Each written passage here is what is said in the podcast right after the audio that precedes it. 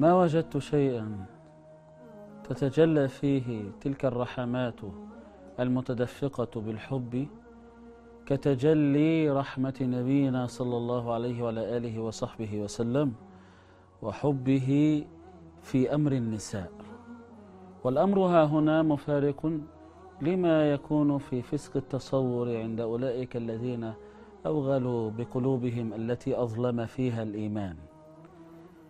ونفر عنها وابتعد عنها وطمست بصائرهم فلم يشهدوا هذا النور الرحب المتدفق بالحب من قلب نبينا صلى الله عليه وعلى آله وصحبه وسلم. والنبي صلى الله عليه وسلم عندما تكلم فقال حبب إلي من دنياكم الطيب والنساء فكأنما هنالك عطران عطر للجسد وعطر للروح تسكن وهو ما نسميه السكينة. فالسكينة كأنها عطر الروح. فإذا وجد الإنسان سكنه وسكينته وهدأة قلبه وأوى من هجير الدنيا إلى ظل يأوي إليه فإن ذلك من نعم الله العظمى وآياته المشهودة التي قال عنها رب العالمين تلك الآية التي تطرق الأسماع كثيرا وقلما تسكن في قلوب الذين يتفكرون في هذه الآية. ومن آياته أن خلق لكم من أنفسكم أزواجا لتسكنوا إليها وجعل بينكم مودة ورحمة. هنا سكينة ومودة ورحمة.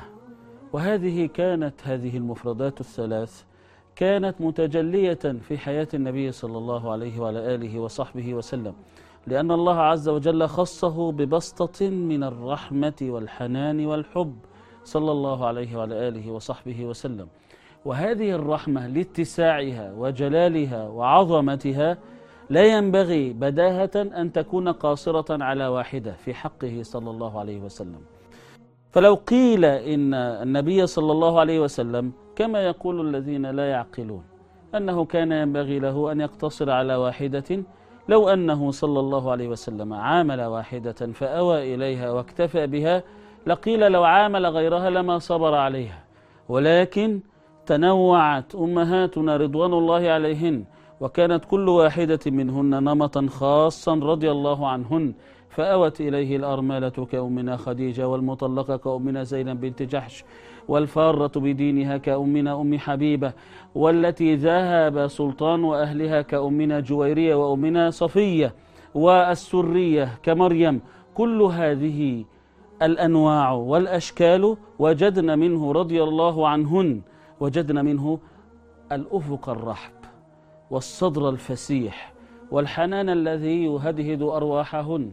حتى إذا نزلت آية التخيير فكن كلهن على سمت واحد. اخترنا النبي صلى الله عليه وعلى آله وصحبه وسلم. وابتعدنا عن الدنيا. مع أن بيوتات نبينا صلى الله عليه وسلم كانت تسرد الصوم عن الدنيا.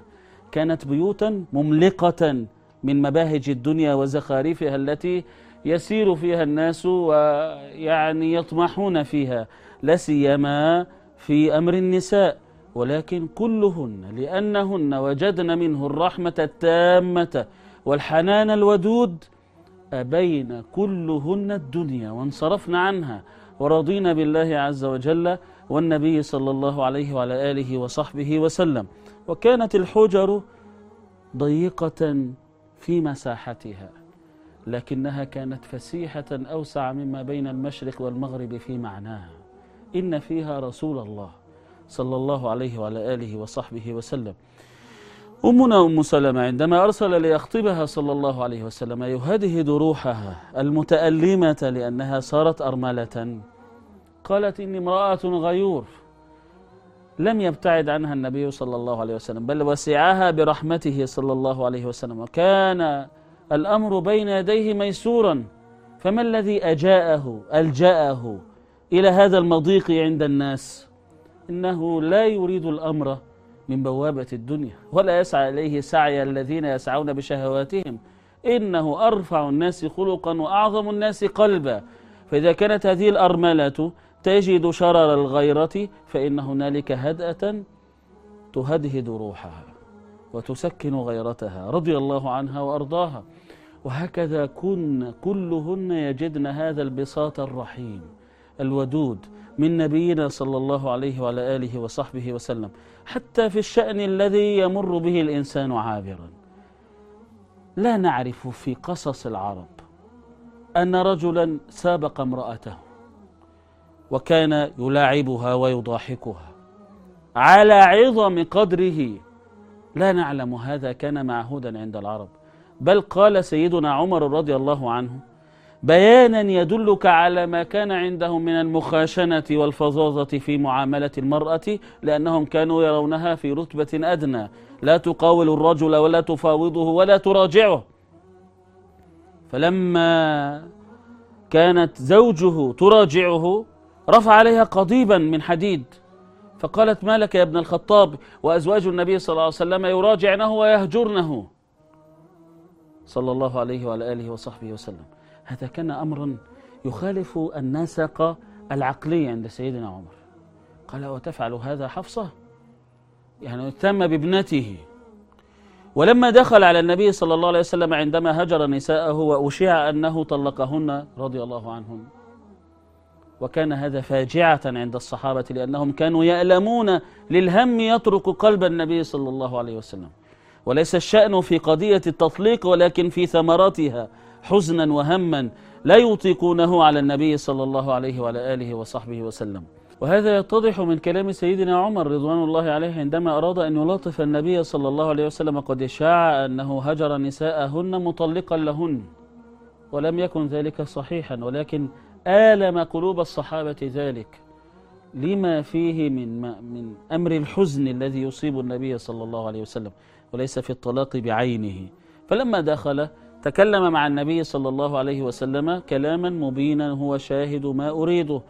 أن كنا معشر المهاجرين نغلب نساءنا فلما جئنا إلى إخواننا من الأنصار وجدناهم أقواما تغلبهم نساؤهم. فضحك النبي صلى الله عليه وسلم وإنما أراد سيدنا عمر أن يستأنس فيذهب ما في قلب النبي صلى الله عليه وسلم من الهم والحزن الذي كان يكسو وجهه الشريف صلى الله عليه وسلم. يقول سيدنا أبو الفضل بن حجر رضوان الله عليه في لفتة جميلة وفي هذا الكلام دليل على ترك النبي صلى الله عليه وسلم ومنفرقته سنن قومه في الاشتداد على النساء وسنته أو أنه سلك مسلك الأنصار في معاملة النساء أي أنه مال إلى الرفق والرحمة والحنان والود. فلا نعلم في تاريخ العرب أولئك الذين كانوا في جزيرة العرب ذلك البراح ذلك الأفق الفسيح هذا القلب الرحب الذي يضاحك زوجه والذي يسابقها. ويحمل أثر المسابقة حتى إذا حملت اللحم. قال تسابقينني. وقال للجيش تقدموا. كل هذا على مرأى ومسمع من التاريخ أن النبي صلى الله عليه وعلى آله وصحبه وسلم هذا القلب المحب لا يشغله ما هو فيه عن بسط ذلك الحب في أفق الناس كلهم لا سيما أهله. لأنه صلى الله عليه وسلم هو الذي قال خيركم خيركم لأهله وأنا خيركم لأهلي صلى الله عليه وعلى آله وصحبه وسلم. فهذه الخيرية كانت متجلية تجليا عظيما حتى فيما لا يأبه الناس به. ما الذي سمعناه من قبل رسول الله صلى الله عليه وسلم؟ أن رجلا يوقف جيشا من أجل عقد لا قيمة له. وقع من زوجه أمنا الصديقة رضي الله عنها. وسبحان الله رحمه رحم زوجه وتلطف بها فنزل اللطف والرحمة من رب العالمين. وكان بركة ذلك الموقف أن نزلت آية التيمم. سبحان الله رب العالمين. وقد كان شديدا على سيدنا أبي بكر أن يقف الصحابة وليس معهم ماء وليسوا على ماء. فكيف يتوضؤون ويتطهرون وأمر الصلاة عندهم هو الأمر الأعظم. فنزلت آية التيمم. فقال سيدنا أسيد بن حضر ليس ذلك بأول بركتكم يا آل أبي بكر. فأنتم أهل مباركون. وسيدنا أبو بكر أراد أن يصالح أمنا الصديقة فقال لقد علمت إنك لمباركة. فعندما تجد أن سبحان الله رب العالمين رحمها النبي صلى الله عليه وسلم وألطف لها القول وأوقف الجيش هذا ليس معهودا. ودائما يقف قوله عز وجل بين يدي كالنور الهادي. فيبطل شبهات المرجفين. سبحان الله. يا أيها النبي لم تحرم ما أحل الله لك؟ تبتغي مرضات أزواجك. سبحان الله الله العليم الخبير سبحانه وبحمده. يقول للنبي صلى الله عليه وسلم إنه ما فعل ذلك إلا ابتغاء مرضات أزواجه فحرم على نفسه ما أحله الله عز وجل من مطعم أو من سرية. كل هذا من أجل ماذا؟ من أجل إرضاء زوجته، لا يكون من هذا عنف مع امرأة أو قسوة. أو شدة بل أطاف ببيته صلى الله عليه وسلم كثير من النساء عندما أوقف. منع الرجال أن يمس أي واحد منهم امرأته ضربا أو أذى. فجاء سيدنا عمر فقال يا رسول الله صلى الله عليه وسلم ثئرن النساء. تنمرن تمردن عندما أمنا أن يعاقبن. وكان نمط العرب كما قلت لكم أن المرأة تكون تحت سطوة زوجها وكان يكون شديدا عليها. حتى لقد حدثت إلى عهد قريب أن كثيرا منهم كان يرى أن مواكلته لزوجه خارمة لرجولته وأن حمله لطفله خارم لرجولته وأن هذا من شأن النساء وأن المرأة لا تجالسني لتطعم وهذا إلى عهد قريب. فكيف بما كان عليه العرب في جزيرة العرب؟ فلما أباح النبي صلى الله عليه وسلم أطاف بآل النبي صلى الله عليه وسلم نساء كثير. وهذا على معنى المجموع. فقال النبي صلى الله عليه وسلم قد أطاف بآل محمد صلى الله عليه وعلى آله وصحبه وسلم نساء كثيرات كلهن يشكو زوجه. ليس لا تجدون أولئك خياركم. الذي ينتهج سبيل الغلظة والقسوة والعنف مفارق لسنن النبي صلى الله عليه وسلم. وما علمنا في حديث ضعيف أو موضوع فضلا عن حديث صحيح أن يده صلى الله عليه وسلم امتدت مرة على امرأة قط أذلها بل مرة واحدة امتدت يد المعاتبة بالرحمة المهذبة باللين والرفق والإيناس والحب عندما أحس أن غيرة أمنا الصديقة رضي الله عنها تنسيها أنه لا يجور عليها عندما ظنت في خروجه ليلا مستترا برفق وهدأة كما في صحيح مسلم.